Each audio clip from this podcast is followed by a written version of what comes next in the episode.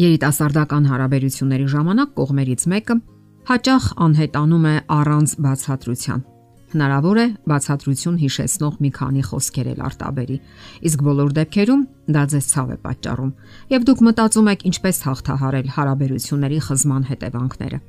Դեռ երկար հիշում եք ձեր հանդիպումները կամ ժամադրությունները։ Ինչ էիք խոսում, ինչպես։ Ինչպիսին էին ձեր հարաբերությունները։ Եվ հանկարծ նա անհետանում է առանց զանգի, առանց բացատրության։ Չի պատասխանում ձեր զանգերին կամ հաղորդագրություններին, նույնիսկ արգելափակում է ձեզ սոցիալական ցանցերում։ Դուք սկսում եք որոնել պատճառները, մեղադրում եք ինքներդ ձեզ։ Նորից ու նորից եք վերանայում հարաբերությունները, հասկանալու համար, թե որտեղ եք սխալներ թույլ տվել։ Այնինչ իրականում բոլորովին պարտադիր չէ, որ դուք սխալներ թույլ տված լինեք։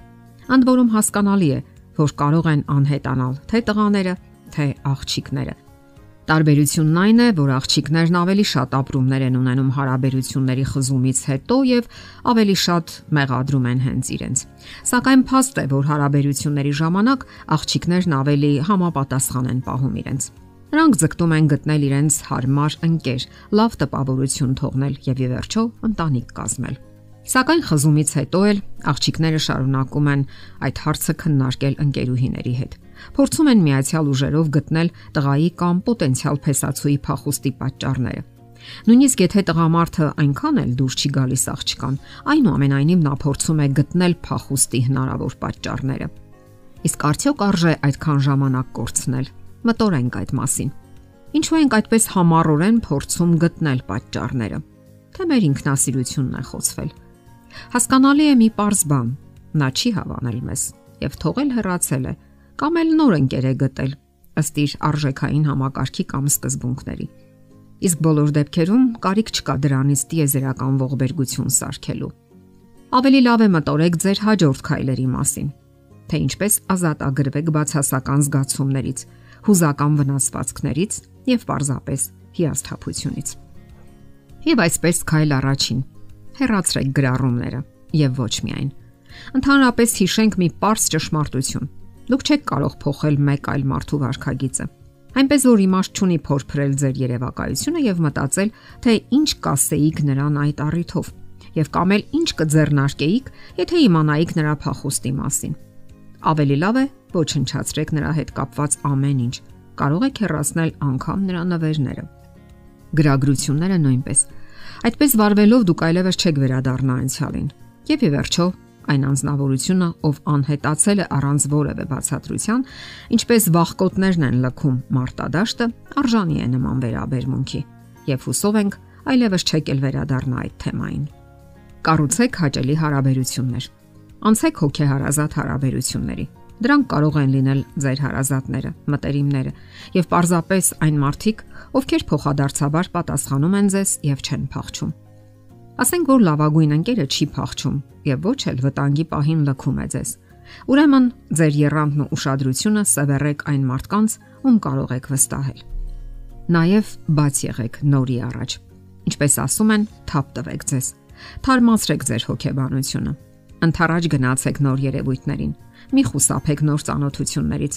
Պարզապես նորովի նայեք կյանքին, որովհետև այն իր մեջ բազմաթիվ նոր հնարավորություններ է թաքցնում մարզումներն էլ բոլորովին չեն խանգարի ձեզ։ Այդ ձևով դուք կվերականգնեք ձեր ոչ միայն ֆիզիկական, այլև հոգեբանական ուժերը։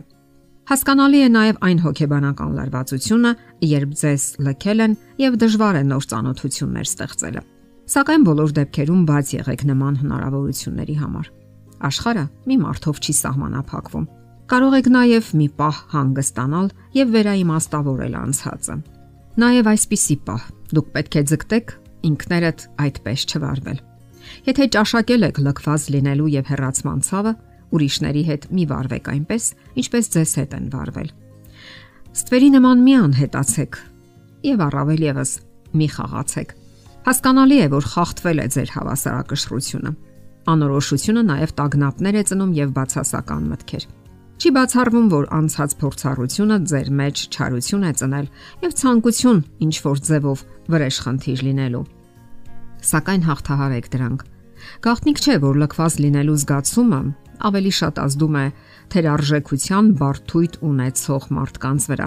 ավելի շատ աղջիկների ու կանանց։ Իսկ երբ մանուկ ժամանակ ծնողների կողմից ունեցել են մերժման զգացում եւ ստացել են ցավոտ հարվածներ, այդ դեպքում արթնանում են հին հիշողությունները։ Ահա թե ինչու շատ կարևոր է, որ դուք ինքներդ ոչ մեկի հետ այդպես չվարվեք եւ մեկ ուրիշին ցավ չպատճառեք։ Չէ որ շատերն են անպատրաստ նման հարվածների եւ հաճախ ուշքի չեն գալիս։ Մեղավորության զգացում։ Սա մի երևույթ է, որ շատերին է ծանոթ։ Սա եւս կարող է խաթարել ձեր հանգստությունը։ Շատերի մոտ պատասխանատվության ավելորդ զգացում կա, եւ նրանք ամեն ինչում մեղադրում են իրենց։ Այս դեպքում եւս, երբ նրանց հանկարծակի լքում են, կարող են մեղադրել եւ որոնել այն սխալները, որ թույլ են տվել։ Եվ դա այն դեպքում, երբ իրենք միանգամայն ճիշտ են վարվել։ Ահա թե ինչու սկսեք ազնվորեն քննել իրավիճակները եւ իրատես ու սթափ նայել երևույթներին։ Ընդհանրապես յուրաքանչյուր նոր փորձառություն, լինի դա դրական թե բացասական, հարստացնում է մեզ։ Հարկավոր է պարզապես ճիշտ ընդհանրացումներ անել, որpիսի պատրաստ լինեք հետագա հարաբերություններին։